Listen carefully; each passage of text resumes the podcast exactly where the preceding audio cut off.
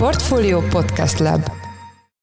Csak hogy mondjak néhány számot, 2014-ben még csak 292 millió euró volt ennek a cégnek az árbevétel, tavaly pedig már 1,2 milliárd euró tehát egy hatalmas növekedés volt, és hát szerintem a másik nagy fordulópont az, az nem is olyan régen történt, amikor az LVMH nevű luxus konglomerátum bevásárolt és megvette a Birkenstockot, és hát látszik, hogy egy teljesen más polcra akarják föltenni ezt a céget, inkább a luxus irányba kezdik el pozícionálni. Ennek is betudható, hogy például volt egy közös együttműködés a Birkenstock és a Dior nevű diat márka között, ami szintén az LVMH-hoz tartozik, és hát ott olyan papucsok jöttek ki, aminek az ára ilyen 1600-2000 dollár körül körül volt.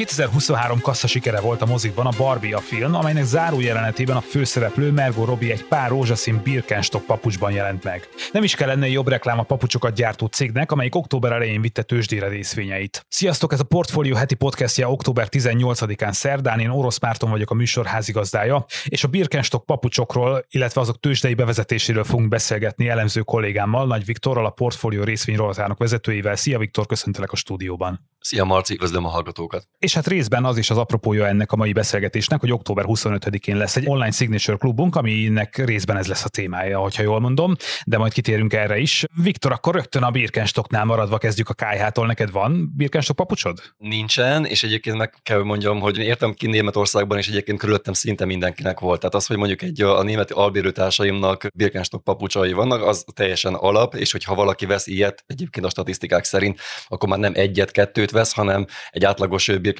felhasználónak négy pár ilyen papucsa van átlagban, Szóval, hogy igen, tehát körülöttem volt már, nekem soha nem tetszett, egyébként borzasztóan megosztó a márka is, és ezek a papucsok, szandálok is, van, aki nagyon csúnyának tartja őket, valaki pedig szerelmes beléjük, tehát egyébként ez egy ilyen lábbrendnek, amiről most beszélünk, ez szerintem egy nagyon fontos kitétele, hogy megfogjon bizonyos fogyasztói rétegeket, és ez egyébként ennél a papusnál tökéletesen működik. Nekem van, meg az én baráti társágomban gyakorlatilag mindenkinek van egyébként, a lányoknak, ahogy te is mondtad, több is van, a hölgyismerőseimnek biztos, hogy van két-három pár legalább. Kb. a koronavírus idején vettem, és akkor találtam egy nagyon jó akciót, és ilyen 11 néhány ezer forintért vettem annak idején, ami már akkor is egyébként bőven 20 fölött volt, és most is, most is elég drága.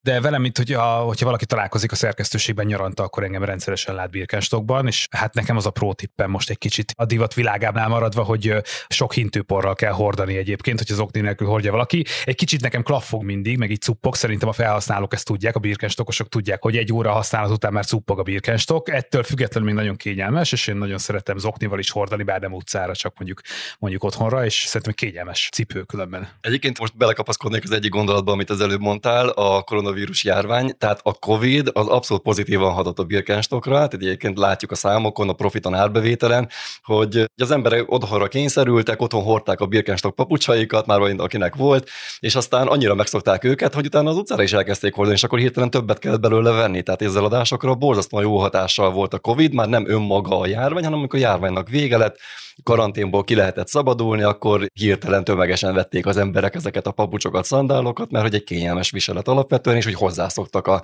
az otthoni viseletként. És akkor rögtön föl is a kérdés egyébként, hogyha, hogyha van egy ilyen felpörgő trend, mondjuk egy divatciknél, akkor ez jó időszak arra, hogy, hogy tőzsdére menjen egy cég? Tehát, hogyha így hirtelen elkezd pörögni az eladás, és azt látjuk, hogy globálisan is növekszenek az eladási számok, mert mondjuk egy kimondott trend lesz ebből, hogy valakinek ilyen cipője, papucsa legyen, akkor ez egy jó pillanat arra, hogy tőzsdire menjen az anyavállalat? Azért mi azt látjuk, hogy amikor egy cég komolyan elkezd foglalkozni azzal a gondolattal, hogy tőzsdére vigye a részvényeit, akkor hirtelen megszépülnek a számok. És ugye ez most én nem arra gondolok, hogy átírják a mérlegben az eredménykimutatásban, hanem konkrétan arra, hogy mindent megtesznek azért, hogy a legszebb arcukat mutassák a befektetők felé, és hát mondja, sok részvénykibocsátást végigkísértünk már akár a magyar tőzsdén is így a portfóliónál, és ez a tapasztalat, hogy akkor a bevételek, a, a marzsok, a profit nagyon szépen néz ki. Ezt láttuk egyébként a Birkenstocknál az elmúlt években, és egyébként megőrült felhajtást is csináltak a, a papucsok körül, ahogy te is említetted, ugye a Barbie film volt az, ami, ami nagyon nagy pörgést hozott.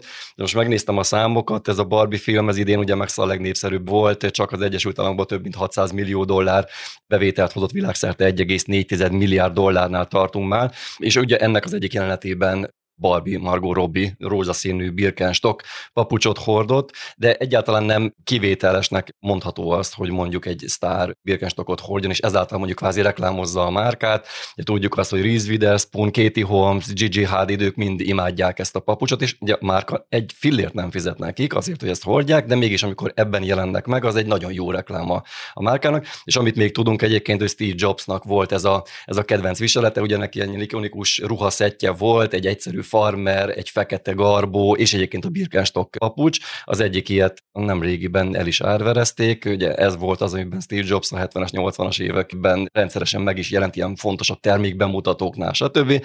És hát ez 220 ezer, közel 220 ezer dollárért ment el, így durván 80 millió forint, tehát látszik az, hogy van egyfajta ilyen hype a, a márka körül. Hát ez érdekes egyébként, mert ugye maga a márka, az, hogyha én jól tudom, akkor az 1700-as években indult, tehát azért itt több száz éves múltra tekint vissza. Mondhatjuk, hogy a, a globális márkák közül is a, a kimondottan idősek közé tartozik, szóval nem ma kezdték itt az ipart. Így van, közel 250 éve, 1774-ben alapították, és ugye mi a, mi a sztoria a Birkenstocknak. Az alapfilozófiájuk az az, hogy alapvetően az embereknek természetes módon mezitláb kellene járniuk, de ugye a modern világban erre már nincsen lehetőségünk, és ők azt mondják, hogy ha ehhez a legközelebbi élményt keressük, akkor Birkenstock papucsban kell járni. És miért? Azért, mert a papucsoknak a talpa úgy van kialakítva, hogy a láb boltozatát tökéletesen tartja, tehát egy ilyen ortopéd megközelítésből induló márka ez, amiből mostanra egy ilyen divatikon-szerűség lett. Tehát ahonnan ők jönnek, az az egészségtudatosság, egy egyébként megfűszerezve nőjogi mozgalmakkal való összeköttetéssel, tehát láttuk azt, hogy a feminizmusnak több hullámában is előkerültek ezek a papucsok. Nem véletlen egyébként, hogy a, a vásárlóknak a nagy része, több mint 70%-a az hölgy, tehát ez is hozzátesz a márkához. És hát, hogyha a cégnek a számait is nézzük, akkor két nagy fordulatot érdemes szerintem kiemelni. Az egyik az 2013 volt, egészen addig a cégnek a a tulajdonosai azok a családtagok voltak, és ők is vezették ezt a vállalatot, és 2013-ban döntöttek úgy, ott volt valamiféle családi viszály, ami után úgy döntöttek, hogy külső menedzsmentet, tehát kül kívülről hozott menedzsereket bíznak meg a cégnek a vezetésével, és egy teljesen más irányba indult el a cég, ugye sokkal profibb, sokkal globálisabb vállalat lett belőle. Ez volt az egyik, csak hogy mondjak néhány számot, 2014-ben még csak 292 millió euró volt ennek a cégnek az árbevétel, tavaly pedig már 1,2 milliárd euró tehát egy hatalmas növekedés volt, és hát szerintem a másik nagy fordulópont az, az nem is olyan régen történt, amikor az LVMH nevű luxus konglomerátum bevásárolt és megvette a Birkenstockot, és hát látszik, hogy egy teljesen más polcra akarják föltenni ezt a céget, inkább a luxus irányba kezdik el pozícionálni. Ennek is betudható, hogy például volt egy közös együttműködés a Birkenstock és a Dior nevű diat márka között, ami szintén az LVMH-hoz tartozik, és hát ott olyan papucsok jöttek ki, aminek az ára ilyen 1600-2000 dollár körül körül volt, tehát hogy mm, látszik, hogy inkább a, inkább a prémium irányba kívánják elvinni az egész márkát. Hát az LVMH-hoz tartozik a Louis Vuitton, például a Dior vagy a Tiffany, egyébként úgyhogy egy csomó luxus márka, pesgők, különféle márkák is tartoznak hozzájuk, úgyhogy azért hát talán jó, jó cégcsoportnál vannak akkor ezek szerint. Így van, és egyébként, hogy egy kicsit ráforduljunk a részvénykibocsátásra, hogy majd részletesebben beszélünk majd róla, az látszik az, hogy a, hogy a részvényeknek az árazása is a prémium irányba volt eltolva, tehát hogy inkább azokhoz a márkákhoz hasonlóan kezdték el árazni ezeket a papírokat a kibocsátásban, amik hát inkább luxus márkák és mondjuk magasabb szorzókon is forognak, tehát látszik, hogy minden szinten a Birkenstockot inkább prémium irányba viszik el. És hogy sikerült egyébként akkor ez a részvénykibocsátás? Most már több mint egy hete volt, amikor adásba kerülünk, akkor, akkor már több mint egy hetes lesz ez a részvénykibocsátás. Milyen eredménnyel indultak ők a tőzsdén? Hát ez egy nagyon kétarcú történet. Tehát, hogyha csak azt nézzük, azt az egy napot, amikor a kibocsátás megtörtént, hogy elmentek-e a papírok, hogy az eredetileg tervezett ársávnak melyik részén volt az árazás, ezek alapján inkább pozitív az összkép. Úgy nézett ki, hogy 44 és 49 dollár közé árazták, hogy ott volt az ársáv a kibocsátásban, és végül 46 dolláron mentek el, tehát ennek az ársávnak mondjuk a nagyjából a közepén mentek el a papírok, és egyébként volt is rá kereslet, tehát ez a rész ez nagyon jól nézett ki, és ami azóta a tőzsdei pályafutását illeti ennek a cégnek. Ugye most, amikor beszélgetünk, már három kereskedési napon vagyunk túl, és hát ez alatt a három nap alatt hát elég nagyot esett az árfolyam, egészen 36 dollárig esett, miközben az első kereskedési napon mondjuk 42,5 dollár volt a, a maximuma. Tehát azok, akik mondjuk a jegyzésben részt vettek, és a mai napig tartják a papírjaikat, azok már több mint 20%-ot buktak a részvényekkel, és hát ennek azért több oka is van. Ugye az egyik oka az, hogy, mint ahogy már az előbb említettem, relatíve magas árazáson mentek ki ezek a papírok, egy prémium papírnak pozícionálták, és hát még a tiszta profilú tőzsdén lévő cipőgyártókhoz képes is egy nagyon durva volt az árazás, ilyen három-ötszöröse volt annak, mint amin ezek a más szektortársak forognak. Ez volt az egyik tényező, a másik, ami, amit elmondhatnánk, hogy nem jó a piac. Azért nyilvánvalóan az izraeli háború, tehát más geopolitikai feszültségek, magas inflációjú környezet, ugye arról érkeznek a hírek, hogy a, hogy a fogyasztók kezdenek elfáradni minden régióban, és hogy kevesebbet vásárolnak, tehát ez mind-mind-mind negatív hatással van. És hát azért azt is látni kell, hogy a globális részvénykibocsátási piac is szenved, miközben mondjuk 2021-ben, ami egy ilyen csúcsév volt, akkor még több mint 600 milliárd dollárnyi friss forrást vontak be a, a cégek tőzsdei kibocsátásokkal, addig ennek most a hatoda látszik eddig 2023-ban, tehát egy nagyon durva visszaesés van. Gyenge piac, túlárazottság, fogyasztók elfáradnak, tehát nagyon sok olyan tényezőt tudnánk mondani, amivel alá lehet támasztani ezt, hogy miért ilyen gyengén muzsikálnak a papírok a tőzsdén. Szerintem a birkásokot azért lehet egyfajta ilyen love brandnek nevezni, vagy titulálni, ugye kimondottan egy olyan, olyan termék, amit valaki vagy nagyon szeret, vagy nagyon utál, és azok, akik szeretik, ők viszont nagyon elkötelezett rajongóknak számítanak. Jó ötlet az, hogyha az ilyen brandek tőzsdére mennek, az ilyen love brandek. Ez egyébként azt is jelenti, hogy a rajongók ilyenkor automatikusan elkezdenek érdeklődni a tőzsde felé?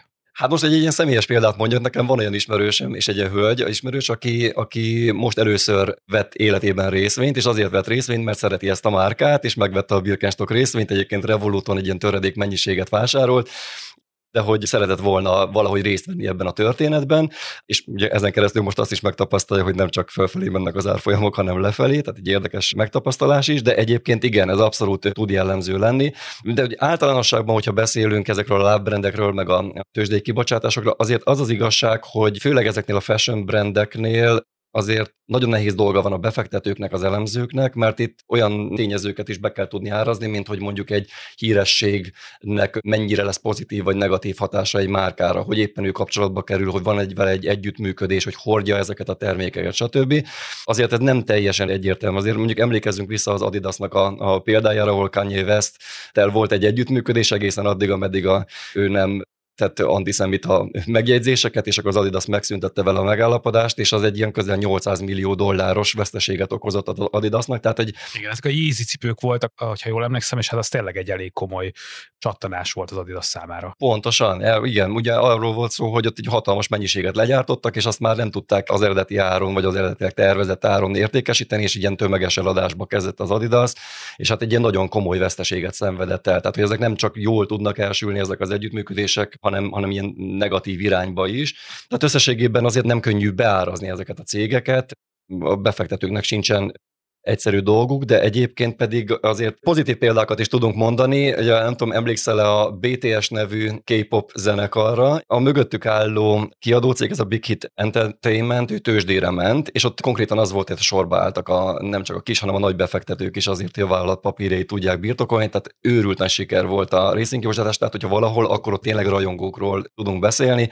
Több százszoros volt a túljegyzés intézményi és a lakossági oldalon is, tehát az őrület az, az az, tud működni, a lábbrendek azok tudnak működni, de nagyon sokszor inkább ilyen, inkább ilyen mániákról, trendekről, divatról van szó, és az pedig nagyon nehéz árazni. Hát egyébként a BTS gyakorlatilag ők annyira népszerűek Dél-Koreában, és annyira komoly exportciknek számítanak az országban, hogy már hogy kimutathatóak az ország nemzetgazdasági szintjén is az ő tevékenységük is látható és kimutatható, úgyhogy abszolút egy izgalmas sztorit jelentenek ők szerintem, meg a kiadójuk is, meg a K-pop úgy egészében, de ez talán egy másik beszélgetés is lenne. Vannak, vannak egyébként globálisan ilyen love brandek tőzsdén, hogyha, hogyha megnézzük, akár legyen az ruházat, vagy nem tudom én élelmiszer, vagy valamilyen, valamilyen más FMCG termék, ami, ami megtalálható tőzsdéken, és kimondottan olyan brand, amit mindenki ismer. Abszolút, ugye az előbb már említett LVMH, amelyik a tulajdonosa a Birkenstocknak, átételesen, ők például tőzsdén vannak, rengeteg divatmárka tartozik hozzájuk, de egyébként a Dr. Martens vagy a Skechers, ezek ismert márkák nálunk is, ők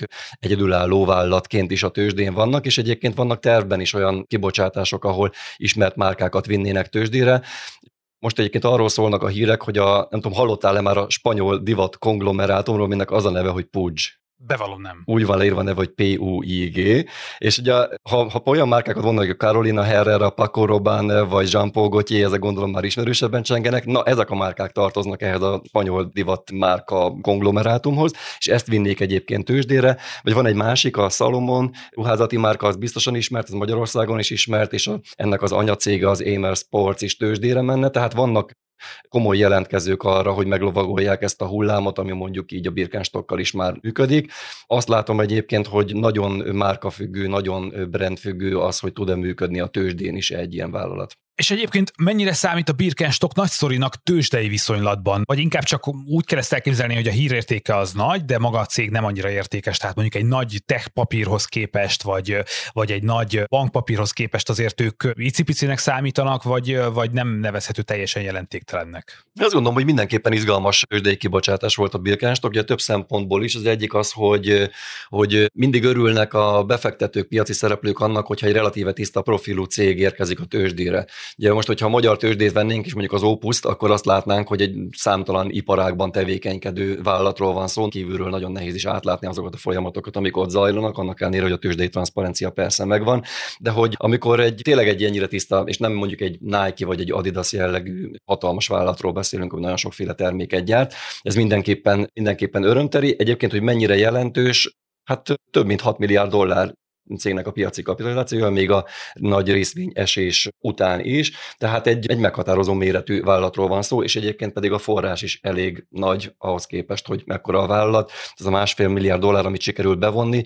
Én azt gondolom, hogy ezek jó, jó, jó mennyiségek, jó méretek, és annak is egy jó tesztje volt egyébként, hogy mondjuk egy ilyen alapvetően Európából induló vállalat Amerikában hogy állja meg a helyét, mert hogy az amerikai tőzsdén jegyzik a, a vállalatnak a papírjait. És azt tudjuk, hogy a Birkenstock mire költi ezt a pénzt, amit a, amit a tőzsdei kibocsátással szerez? Itt nem tudom, gondolkozik fejlesztésekben, vagy, vagy teljesen átalakítja az Arizona papucsot, vagy, vagy, vagy ruházati márkát indít, vagy, vagy mik, mik a tervek. Egyébként ez, ezt kérdezem, hogy általánosságban ez kötelező nekik megadniuk, amikor egy cég tőzsdére megy, akkor ezt így nyilvánosság kell tenniük, hogy, hogy ebből ezekből a forrásokból mikre fognak költeni? Igen, ez a gyakorlat gyakorlat, hiszen ez egy meggyőző érv is amellett, hogy azonosulni tudjanak a befektetők, a potenciális befektetők azzal a céllal, amit a cég is szeretne követni. Itt egyébként kettős a cél, egy részt és nagy részt egyébként inkább erről van szó.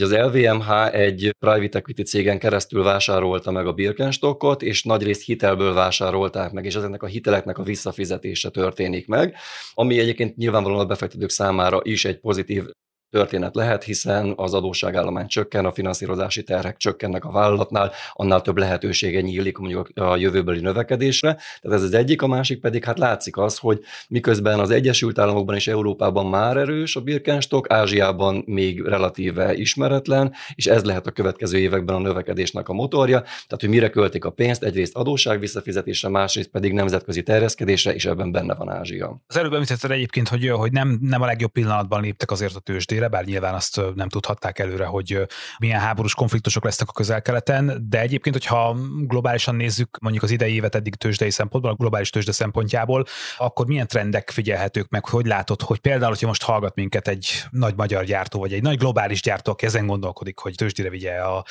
a multinacionális cégét, akkor az idei év az még jó lehet belépni, vagy, vagy várjon inkább már 2024-re, hát ha egy kicsit nyugalmasabb év előtt állunk. Hát azért most október közepén vagyunk, és hogyha valaki most kezd el gondolkodni egy részvénykibocsátásban, azért az nagyon, nagyon ritka, hogy az ennyire gyorsan meg tud valósulni, hogy még 2023-ban beleférjen, tehát az már inkább 24 lesz. Hát alapvetően bizonytalan piaci környezetet látunk. Látjuk azt, hogy nagyon magasan vannak a kamatok, egy nagyon magas inflációs környezetben működnek a vállalatok, és hát a kamatok azok nagyon sok csatornán keresztül negatívan hatnak inkább, és hát hogyha a tőzsdei jelenetet vesszük figyelembe, ugye itt azt is mérlegelni kell, hogy mondjuk milyen állampapírpiaci hozamok vannak, az mindenképp tulajdonképpen alternatívája a részvénybefektetésnek. Tehát azt látjuk, hogy magas infláció, magas kamatok, geopolitikai feszültség, ez inkább negatív lenne, ehhez képest egyébként az összkép még egy picit inkább pozitív a tőzsdéken, inkább emelkedésről beszélhetünk az idei évben még az elmúlt hetek, hónapok esése után is, de alapvetően inkább a bizonytalansága jellemző. És hogyha én jól interpretálom, akkor október 25-én ezekről a témákról is fogtok beszélgetni a Portfolio Online Signature klubján. Mik lesznek a főbb témák? Így van, amiket az előbb mondtam, tehát makrogazdaságból levezetve, de alapvetően befektetési fókusszal rendezzük meg ezt az eseményt. A beszélgető társaimmal Elsősorban arról fogunk majd megemlékezni, hogy, hogy mi ők miben látnak fantáziát, mik azok a piacok, régiók, akár egyedi részvények, mik azok a, akár nyersanyagok, állampapírok, kriptovaluták, amik izgalmasak. És hát vendégeink lesznek ezen az eseményen az Equilor elemzői és a KBC Securities elemzői, és Viktor is természetesen moderálni fog és, és beszélgetni, és hát ez a, ez a rendezvény a Portfolio Signature előfizetőinek lesz elérhető. Viktor, én köszönöm szépen, hogy bejöttél hozzánk a stúdióba, és egy kicsit beszélgethetünk erről a talán picit extrém tőzsdei sztoriról. Én is köszönöm. Sziasztok! És ez volt a Portfolio heti podcastje október 18-án szerdán. Ha tetszett az adás, akkor iratkozz fel a Portfolio podcast csatornájára minden olyan felületen, ahol podcastet hallgatsz. Új adással legközelebb egy hét múlva jelentkezünk. Köszönjük a figyelmet, sziasztok! Reklám következik.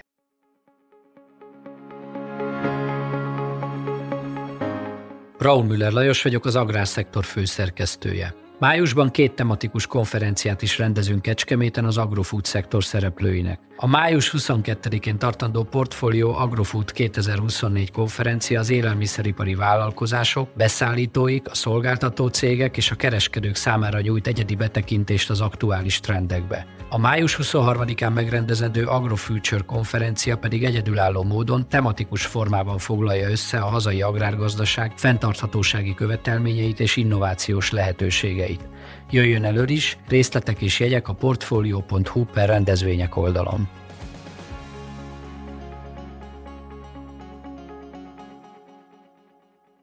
Reklámot hallottak.